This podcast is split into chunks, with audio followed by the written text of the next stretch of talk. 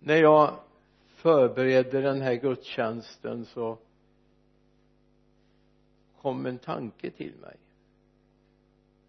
Vad ville Gud med dig egentligen? Vad ville Gud egentligen? Jag menar visst vill Gud rädda oss ifrån synden ifrån det destruktiva i världen ville Gud någonting mer? Hade Gud en tanke att yes Gud när eh, han hon blir en kristen då vill jag någonting med honom eller henne. Vi ska gå till andra Timoteusbrevet. Paulus skriver i första kapitlet med början på vers 9 andra Timoteusbrevet 1 och 9 han har frälst oss och kallat oss med en helig kallelse. Inte på grund av våra gärningar utan genom sitt beslut och sin nåd som han gett oss i Kristus Jesus från evighet. Nu har hans nåd blivit uppenbarad när vår frälsare Kristus Jesus har trätt fram. Han har gjort slut på döden och fört fram liv och odödlighet i ljuset genom evangeliet. Detta är jag satt till att tjäna som förkunnare apostel och lärare. Därför det är därför jag har fått lida allt detta. Men jag skäms inte för jag vet vem jag tror på och jag är övertygad om att han har makt att fram till den dagen bevara det som har anförtrotts mig. Paulus lever i en övertygelse att Gud inte bara tog honom ut ur det gamla farisistiska livet utan Gud förde in honom i någonting och gav honom ett uppdrag. Det är underbart att tala om att vi är frälsta från världen från synd. Det destruktiva men det är också underbart för att Gud hade en djupare kallelse han ville någonting med mitt liv. Han inte bara frälste mig och så placerade mig i någon sorts bra ha-lager någonstans. Någon gång kanske han kan vara bra att ha. Hon kanske kan vara bra att ha. Utan Gud hade en plan en tanke. Redan när du gick ut ur moderlivet så ville Gud någonting med ditt liv. Och jag tror det är viktigt att vi har det med oss men Gud är positiv. Gud vill någonting gott med våra liv. Och Gud har kallat oss in i det för att han vill använda oss. Dig och mig till någonting för att bygga upp i den här världen. Det är inte bara, men jag är oerhört tacksam för att Gud har tagit mig ur synden. Gud har tagit mig ur det destruktiva ur den här världens sänkande. Men Gud har framförallt fört mig in i någonting. Gud hade en plan. I Kolosserbrevet läser vi han har i första kapitlet vers 13 han har frälst oss från mörkrets välde och fört oss in i sin älskade sons rike. I honom är vi friköpta och har förlåtelse för våra synder. Han har frälst oss från mörkrets välde amen. Och han har fört oss in i sin älskade sons rike och det kan jag säga amen amen. Det är fantastiskt. Gud ville någonting med mitt liv. Mörkrets välde fick brytas men Gud satte in mig i någonting. Jag tänker så här att en byggarbetsplats när den är som bäst då producerar man någonting. Då bygger man någonting då gör man någonting. Av brädorna stenen och vad man nu har samlat ihop jag menar en byggarbetsplats när den är som bäst då byggs det någonting. När en församling är som bäst då byggs det någonting. Då samlar vi inte bara ihop en massa människor som vi inte vet vad vi ska använda till. Gud vet. Gud har en tanke och Gud vill någonting med våra liv. Mörkrets välde är förbi. Och om vi ska överleva om du ska överleva som kristen ska du alltid ställa frågan Gud var vill du ha mig? Gud vill du var vill du ha mig? Om vi har ett byggarbetsplats och vi har ett lager med sten och bräd det kan man stjäla. Det kan tas bort. Någon kommer och tar det. Men är det insatt i huset så är det betydligt svårare. Om muren är uppmurad om brädorna är på plats så är det svårare att stjäla det. Det ska möjligtvis vara ett koppartak då kan det hända att man börjar bryta upp det men det är viktigt att se Gud vill ha in mig i någonting. Där jag ska känna att det finns människor både över, under och vid sidan om mig som jag tjänar tillsammans med. Och det är Guds tanke. Gud har kallat oss till någonting. Inte bara utifrån mörkret. Gud har kallat oss för att sätta in oss någonstans. Och det är en viktig tanke som vi har med oss. I andra korinterbrevet femte kapitel vers 17 och 18 Det finns några versar som vi ofta ofta citerar va? Om någon är i Kristus är alltså en ny skapelse. Det gamla är förbi. Något nytt har kommit. Och allt kommer från Gud som har försonat oss med sig själv genom Kristus och gett oss försoningens tjänst. Alltså uppdraget att föra försoningen vidare. Att på något sätt ha det finns en sammanhang där jag ska in. Jag är tagen ur fördärvets grop. Amen. Men Gud förvandlade mig till någonting nytt. Och jag fick en värdighet. Alltså varje människa är oerhört mycket värd men det är först när jag kommer dit Gud vill att jag ska vara som jag får mitt rätta värde. Jag menar det är inte så att du får ett värde så du ska låsas in på ett bankfack någonstans för att ingen ska stjäla dig. Utan det är din funktion, din tjänst och att du kanaliserar det Gud vill som ger dig värdet. Och det är viktigt att se det här. Vi är inte satta i ett ingenmansland utan på klippan Kristus. Vi är satta på klippan Kristus. I Johannes evangeliets sjätte kapitel så är det en vers som är väldigt viktig att komma ihåg. Vers 44 ingen kan komma till mig om inte fadern som har sänt mig drar honom och jag ska låta honom uppstå på den yttersta dagen. Ingen kan komma till mig säger om inte fadern drar. Och det är precis det Gud gör låt mig bara få ta en bild när vi kommer till Lukas evangeliets femtonde kapitel så finns det tre liknelser. Den första liknelsen handlar om en man som har hundra får. Den andra liknelsen handlar om en kvinna som har ett diadem med tio eh, silvermynt. Och den tredje liknelsen handlar om en far som har två söner. Om vi stannar upp den första liknelsen i Lukas 15 så finns det en man som har hundra får. Ett får försvinner. Han går ut och söker det. Till dess han finner det. När jag satt med det här igår kväll då kände jag bara det är ju precis det Gud håller på med. Alla hör hemma i jorden alla. Det finns inte en människa på den här jorden född som egentligen inte har en hemmahörighet i en jord en fårjord en tillhörighet? Så vad är det som håller på att hända egentligen när vi vinner människor för Jesus? Jo vi återför människor dit de egentligen var tänkta att vara.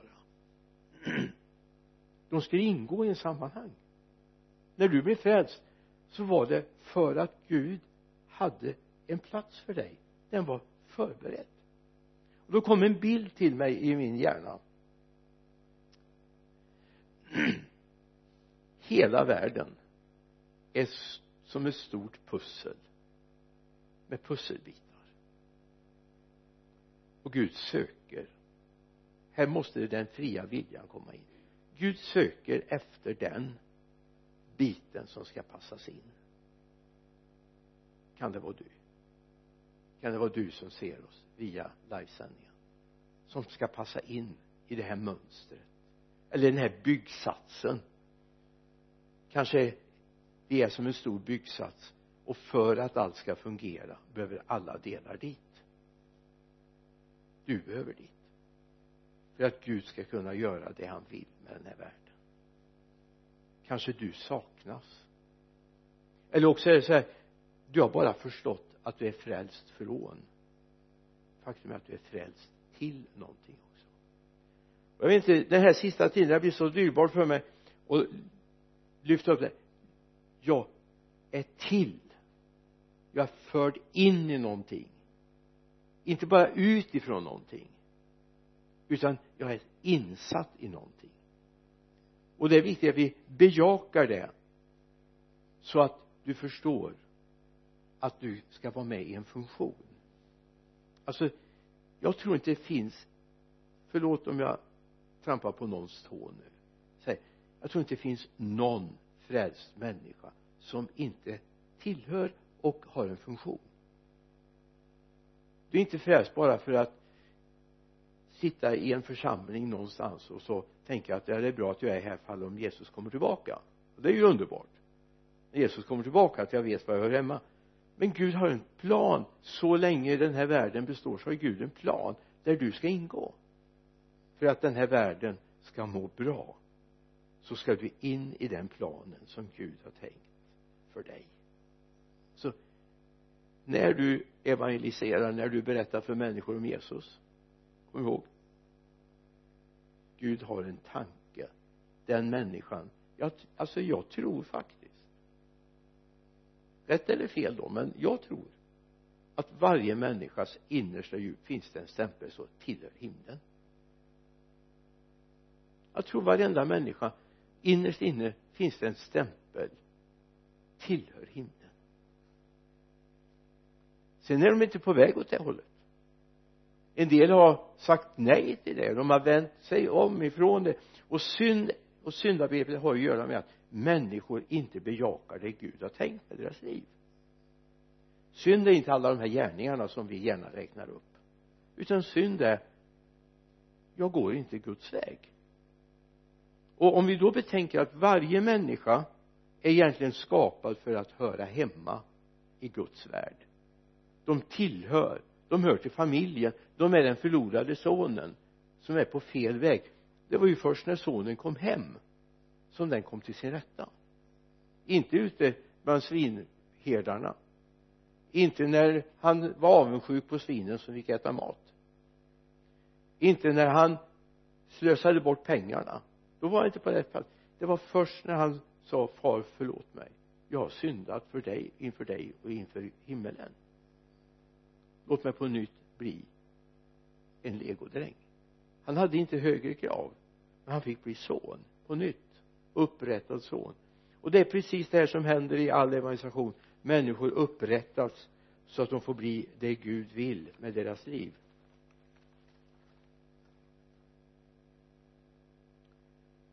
Gud har kallat oss till gemenskap med sig.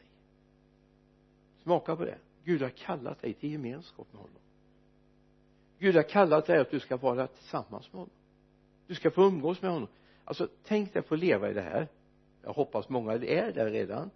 Att det är Gud som väcker dig varje morgon. Och du börjar lovsjunga honom. Lovprisa honom i ditt hjärta. Du vet lovsång kan vara utan musik ibland.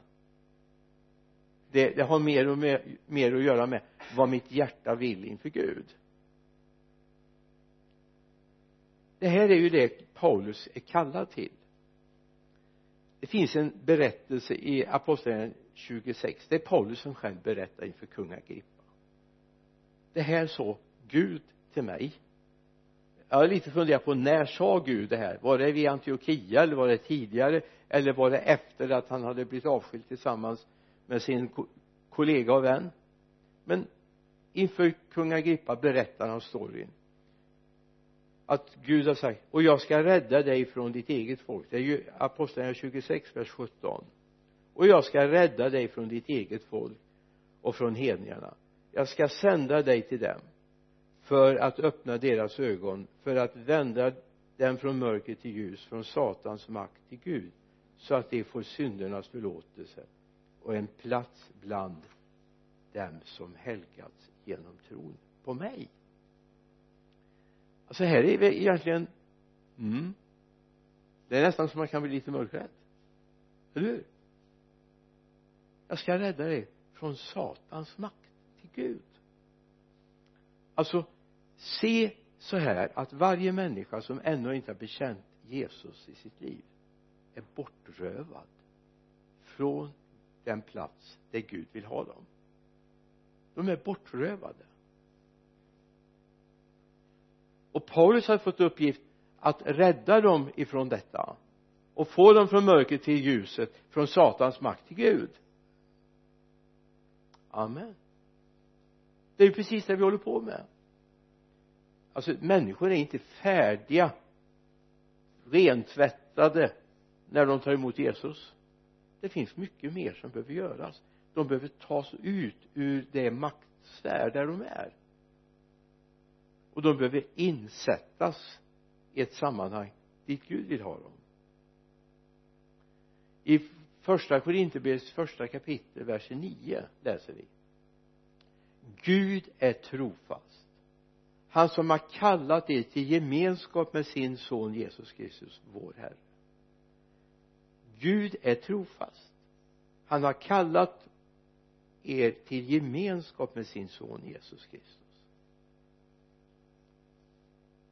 Smaka på det. Du är kallad till gemenskap med Jesus Kristus. Och för mig är gemenskap mer än bara liksom veta att han finns. Bara bekänna att han finns. Gemenskap är för mig något oerhört mycket mer. Och det är det det ord som används också talar om en tajthet. En tajthet. Alltså du behöver inte fundera på om Gud hör dig eller Gud finns med dig eller Jesus finns i din närhet. Ni är ju tillsammans. Ni är ju tillsammans. Vilket innebär att han ska också ha tillgång till dig. Till dina tankar, din vilja, din plan, vad, vad du vill med ditt liv. Han måste få tillgång till ditt liv. Frälsning handlar om att ge våra liv till honom ge tillgång till honom. Att han får tillträde till mig. Han får prata med dig. Tänk att han kan få väcka dig på morgonen och säga det här vill jag med ditt liv idag. Du är min. Du är min. Du kommer aldrig kunna bli någon annan. Som är gott. Utan endera är du hans smaka på det han har tillträde till dig. Och du har tillträde till honom. Det är det Gud har kallat oss till. Frälsningen handlar om att jag blir kommer in i gemenskap med Jesus Kristus. Det har Gud bestämt. Det är Gud bestämt. Du är kallad till gemenskap med honom. Och du vet den gemenskapen är långt mycket djupare tydligare än till och med den mänskliga gemenskapen han är med dig i alla situationer. Det du aldrig skulle visa för ens din bästa kompis. Det har han tillträde till. Men du har också tillträde till honom. Vad han vill, hans planer. Tänk när han börjar få prata med dig och säga det här vill jag med Vänersborg. Det här vill jag med Sverige. Det här är min plan. Det här är min plan för den här församlingen det här är min plan för den här staden. Det här är min plan. Det här vill jag. Tror du Gud har en plan för den här staden? Tror du Gud har en plan för dig? Lever du där?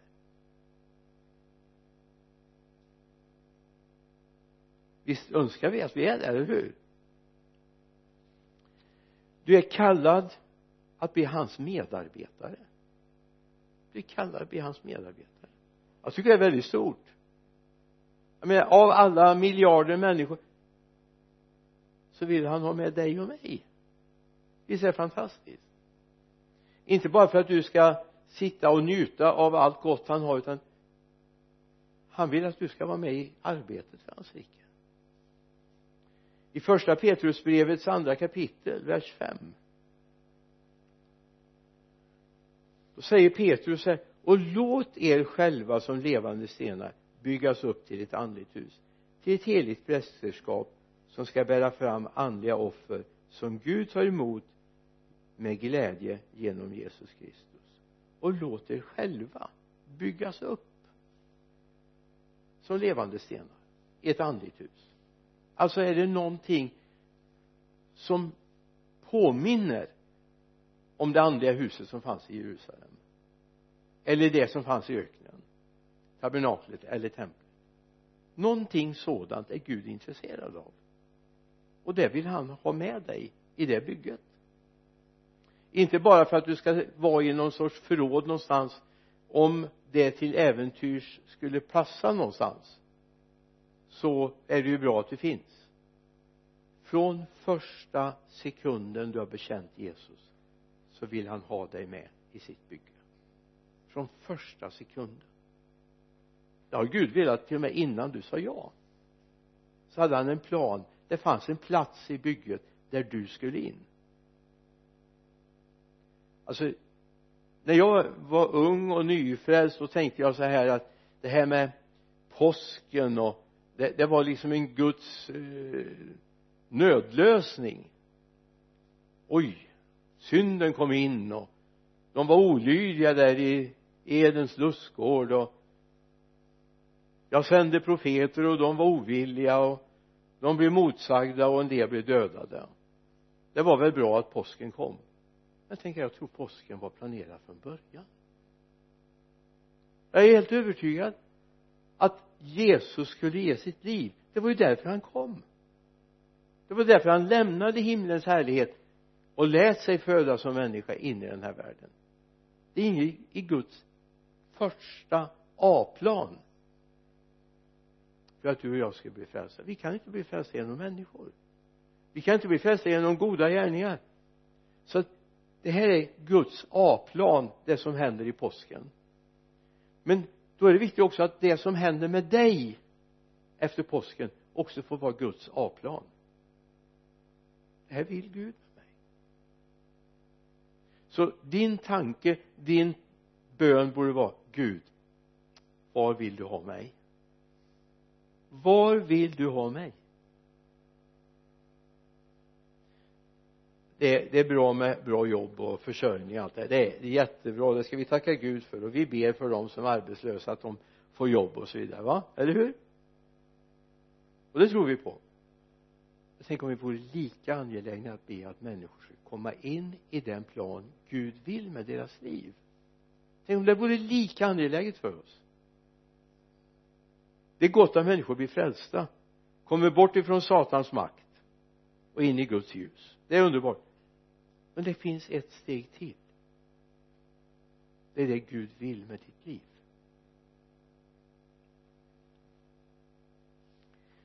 Alltså det är gott att vara frälst. Det är gott att börja komma in i det man vill ska bara ta några saker ur mitt eget liv? När jag blev frälst jag är ju uppvuxen i en kristen miljö och eh, återvände i princip till min barndomsförsamling den dagen jag tog emot Jesus. 18 år gammal. Jag har inte varit någon jättestor syndare med ett enormt syndaregister bakom mig men jag, jag, jag var en syndare för jag gick inte Guds väg när mamma och pappa gick till kyrkan så var jag ganska bångstyrig och ville inte gå till kyrkan när jag kom upp i tonåren. Och min bror gick ut som evangelist och jag var 13 år. Nej 12 och ett halvt år var jag när han gick ut som evangelist. Han var lite drygt 15 år. Han fick ta med sig en moped på sitt första evangelistfält han kunde inte köra bil och han hade några platser han skulle vara på. Horn i Östergötland. Den där platsen som brukar vara kallast i södra Sverige. Horn söder om Kisa. Det säger man på väderleksrapporten ibland att Horn har haft så kallt. Där var han Gullringen och Vimmerby. Och då säger jag, men jag var ju hälsa på honom och så säger jag, ja men ska inte du bli predikant också? Och drog mig i håret. Och jag hatade det. Jag sa nej jag ska bli jag minns inte vad jag sa jag skulle bli då för jag hade inga planer egentligen men något hittade jag väl på. Men så blev jag frälst. Då insåg jag ju att Gud hade en plan för mig. Och ganska snart sa jag ja till kallelsen att gå ut som evangelist. Men jag hade ett problem.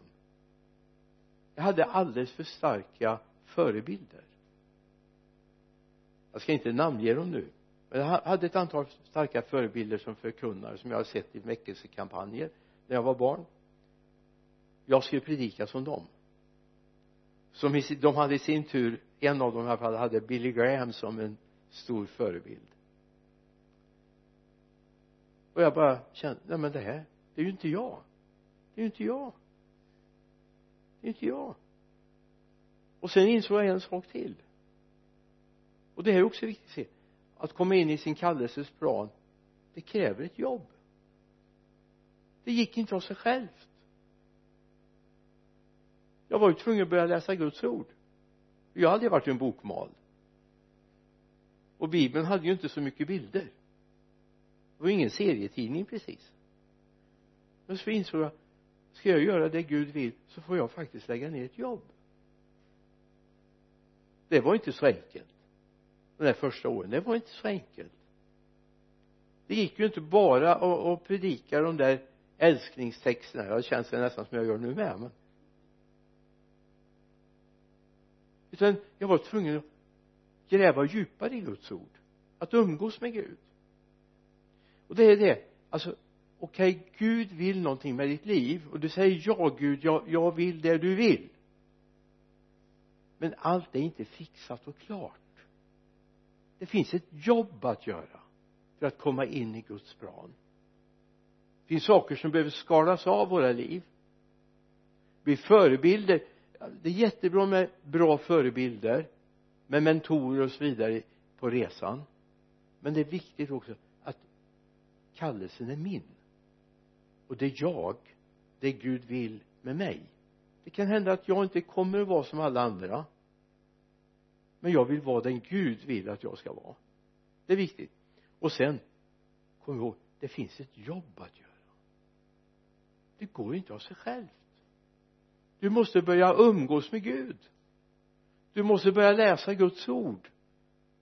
Även om du inte ska bli förkunnare utan du ska tjäna Gud med något annat så är det viktigt. Du måste gräva i Guds ord. Gud kan aldrig han liksom inte kommer det är ingen intravenös eh, spruta du får med allt Guds ord. Du får faktiskt äta det själv. Du får tugga i dig det själv. Och det är viktigt att komma ihåg. Så när Gud har sagt jag vill ha dig jag vill kalla dig till gemenskap så har du ett jobb att göra. Du har ett jobb att göra. Och då kommer du upptäcka vad du behöver Gud till. Du behöver börja umgås med honom.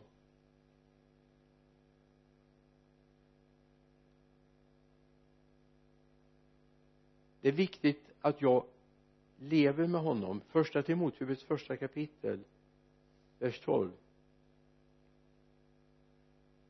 jag tackar honom som har gett mig kraft Kristus Jesus vår Herre för att han ansåg mig värd förtroendet och tog mig i sin tjänst. Och så börjar säga han jag som förr var en härdare, förföljare och våldsman men jag mötte barmhärtighet därför att jag i min otro inte visste vad jag gjorde. Vår Herres nåd överflödade med tro och kärlek i Kristus Jesus. Du Gud vet allt om dig. Vet alla dina misstag? Gud vet allt om dig. Dina tappra försök som har kraschat. Gud vet allt. Gud vet till och med om saker när du har gått helt emot Guds vilja och gjort det som inte tjänade Gud. Gud vet det. Paulus visste. Och då är det viktigt att komma ihåg. Gud förlåter och ger dig en ny chans. Han ger dig förtroende. Alltså vi är i en förtroendebransch vi är en förtroendebransch. Först och främst för, ha förtroende från Gud? Men också skapa ett förtroende där vi är. Och det är viktigt då att det finns en homogenitet i våra liv. Att vi inte bara är en i kyrkan och så en annan när kvällen kommer eller när vi är på jobbet eller vad vi är. Utan det är viktigt att vi är medvetna om att Gud faktiskt har gett oss ett förtroende så du kan aldrig slå dig för bröstet och säga vad duktig jag är, vad bra jag är och hur jag kan. Utan det är viktigt att komma ihåg Gud har gett dig ett förtroende. Och då är det viktigt att du lever i ödmjukhet med ditt liv. Gud vill någonting med dig. Gud har en plan med dig. Och Gud vill att du lever i det förtroendet. För det är en andlig tjänst. Och det är viktigt att komma ihåg det finns ett förtroendeuppdrag som Gud har gett dig. Det är nåd. Då tittar vi på oss själva det kan en del som tycker att ja men jag är jag är jätteduktig. Jag har aldrig några misstag jag gör aldrig några fel. Det har vi gjort. Vi har gjort det. Ändå gav han oss förtroende jag tänker på är vi tillbaka i Lukas 15 igen? Från vers 11 och framåt är väl vi har om den förlorade sonen. Alltså om vi ser vad han har hållit på med och så blir han ändå upprättad. Han ber en kort bön om förlåtelse. Talar om att jag har syndat inför dig och inför himlen. Jag är inte ens värd att kallas din son. Låt mig få bli en legodräng. Han blir upprättad. Alltså Gud har inte svårt för att förlåta. Gud har inte svårt för att upprätta. Jag menar Paulus hade till och med älskat, eller inte älskat men samtyckt till om han dödade den första martyren. Stefanos. Ändå får han detta förtroende.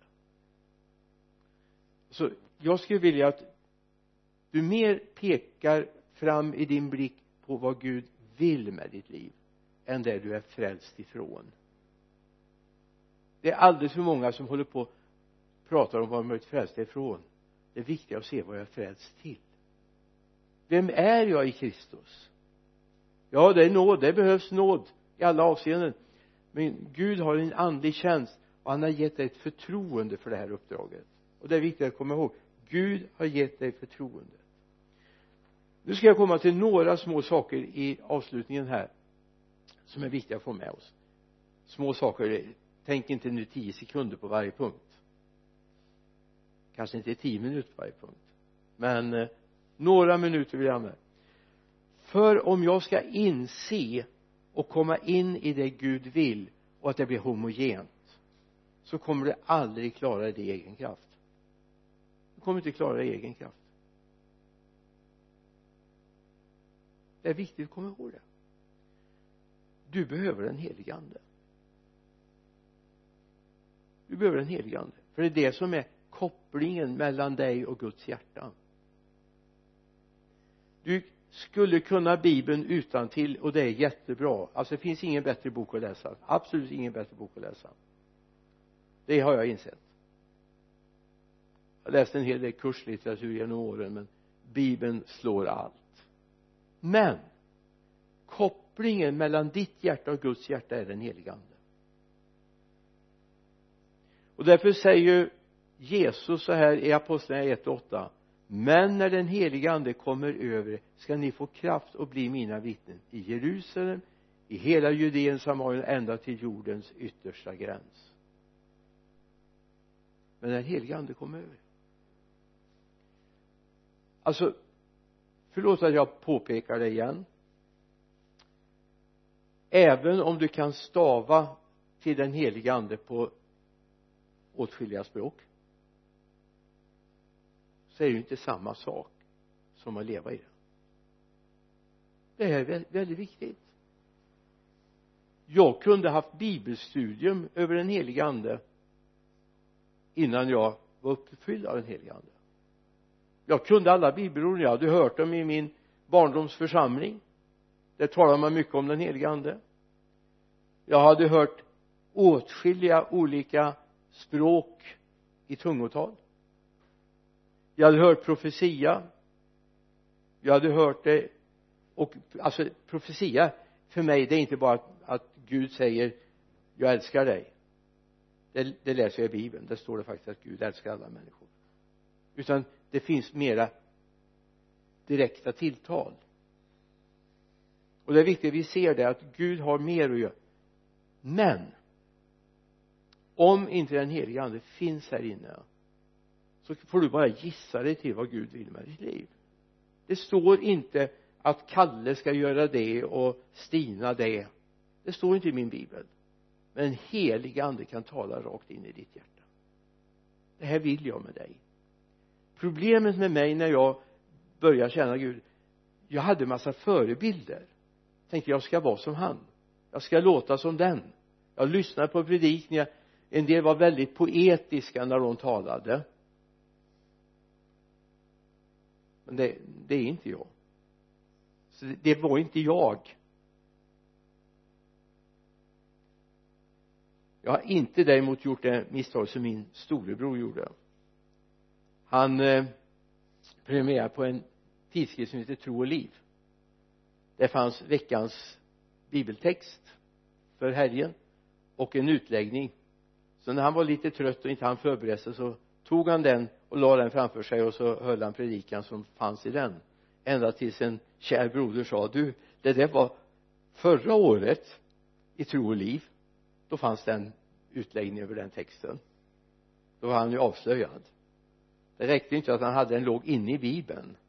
Den här lilla tunna skriften som heter tro och liv jag hade den också en period men jag har aldrig försökt predika de texterna med de bilderna för de var ju inte mina. Men vi behöver en helig ande för att känna hjärtslagen från Gud hur Gud älskar oss. Där vi förstår vad Gud vill. Och när vi har sagt ja till vad Gud vill att vi också får det beskydd vi behöver. Jag får kraft. Jag får beskydd i den helige ande. Alltså jag är uppvuxen i en karismatisk miljö. Eh, jag eh, har hört väldigt höga tonlägen i bönebruset. Knappt så man kunnat höra sina egna tankar en gång. Och en del har sagt att det här är väldigt andligt. Och det kanske det var. Men för mig har den heliga ande blivit mycket mer praktisk. När Gud talar om dagen som kommer när Gud avslöjar mitt eget liv och mina motiv. Men Gud också ger mig vägledning hur går jag vidare? Det har blivit för mig den heliga ande. När jag hör vad Gud vill. När jag hör Guds hjärtslag. När jag hör att Gud talar om för mig jag älskar dig. Det andra jag skulle vilja ta upp nu vet jag inte hur många minuter det tog men det tog några minuter det andra jag skulle vilja ta upp det är att Gud faktiskt håller på och vill bygga sin församling. Han bygger inifrån. Kom ihåg det Gud bygger inifrån. Han bygger inga skrytpalats som är tomma inuti utan Gud bygger inifrån. Det säger Paulus när han skriver i Efesierbrevets fjärde kapitel vers 11 då säger han och han gav några till apostlar andra till profeter andra till evangelister andra till herdar och lärare för att utrusta de heliga till att full, fullgöra sin tjänst att bygga upp Kristi kropp. Och så står det i vers 13 tills vi alla når fram till enheten i tron och i kunskapen om Guds son som en fullvuxen man med ett mått av mognad som motsvarar Kristi fullhet alltså Gud har tänkt. Det här brukar vi kalla för tjänstegåvor. Fem tjänstegåvor. Och det, det är viktigt. Men kom ihåg Gud har en plan. Det här behövs i varje församling. Nu ska vi inte gå in på vad de olika uppgifterna är men det här när du läser elfte versen kom ihåg det här behövs i varje församling. Och nu kan man ju läsa det på två olika sätt. Man kan tänka så här jaha undrar vem det är som är det här. Ja de, de är nog inte på plats de hjälper nog inte till. Nej så ska du inte läsa. Läs här vem är jag av det här? Vem är jag? Vem är jag i den här funktionen? För jag tror det här behövs i varje församling. Och det är den heliga ande som utväljer åt sig det vi ska vara. Gud utväljer. Är du en apostel? Är du en profet? Är du en evangelist? Är du en herde? Är du en lärare? Eller vem är du? Sen finns det fler tjänster. Det ska jag säga på en gång. Det finns fler tjänster. Jag tror lovsången är en viktig tjänst. Men det hör inte till själva hjärtväggarna. Det här är hjärtväggarna i bygget det är det som är bärande konstruktionen för att det här ska hålla ihop. Om vi lämnar det som vi är frälsta ifrån och så ser vi det här är jag frälst till. Det här bygger upp. Att du har lämnat fördärvets grop har inte byggt upp någonting. Det har bara räddat ditt liv. Men du är räddad för att hjälpa andra.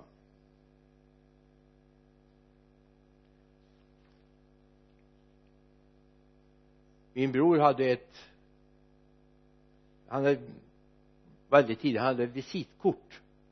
Det är länge det tog lång tid när jag skaffade några visitkort när jag insåg att jag behövde lämna ifrån mig min adress ibland. Och jag har aldrig någon ordning på var jag har mina visitkort. Jag har en låda uppe på kontoret men nu insåg jag att det var lite fel telefonnummer och sånt på så jag behöver ändra det. Och det kan jag inte ha på varje visitkort utan jag får försöka trycka nya vid något tillfälle när jag andan faller på så gör jag väl det.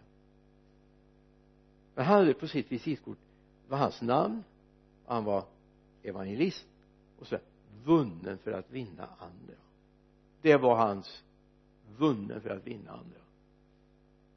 Gud har tagit dig ur fördärvets grop för att sätta dig i en tjänst i Guds rike. Och där behöver den helige ande för att han ska få rätt plats jag menar jag vet många som slår ifrån sig och säger nej men det väl, räcker väl att jag är frälst? Ja visst, amen, halleluja men det räcker inte hela vägen. Det, du, du har ett uppgift också. Eller hur?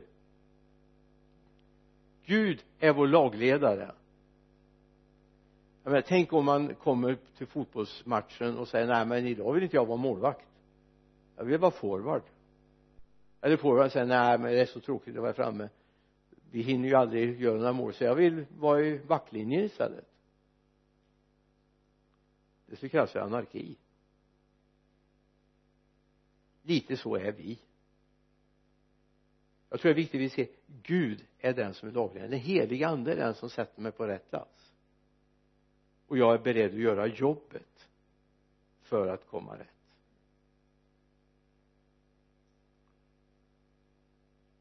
Ditt liv är en sådd i tiden. När du kommer dit du ska när du gör det Gud vill så sår du in någonting i barnen i arbetskamraterna. Vet det är ju inte alltid så här det är bara att kolla på ditt eget liv. Jag med, och det du har varit med om det är ju inte alltid så här att människor först och främst fångas av vad du har sagt utan av vem du är.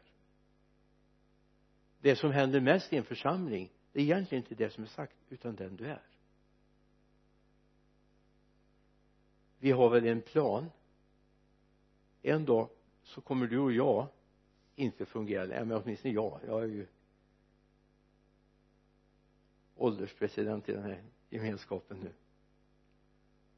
Men verket ska fortsätta verket ska fortsätta. Och det är viktigt att vi smittar av oss. Att människor säger det här vill jag ta tag i.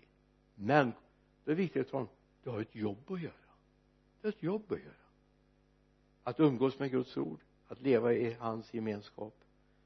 Jag skulle kunna skicka med det nu från Johannes 16 men jag ska inte göra det. Men jag kan bara säga att verserna 13 till 15 så kan du hem och läsa det själv om sanningens ande låt mig bara säga du är frälst från amen. Men framförallt du är frälst till. Gud håller på att sätta in dig. Du hör till monteringssatsen. Och Gud håller på att montera in dig för att du ska fungera. Du kanske är en ett kugghjul någonstans. Du kanske är en skruv någonstans. Men allt behövs för att det ska fungera det är det som är viktigt. Du är en pusselbit. Den kommer. Ja men det är så här en del av känner ja men ingen noterar att jag är där jag är.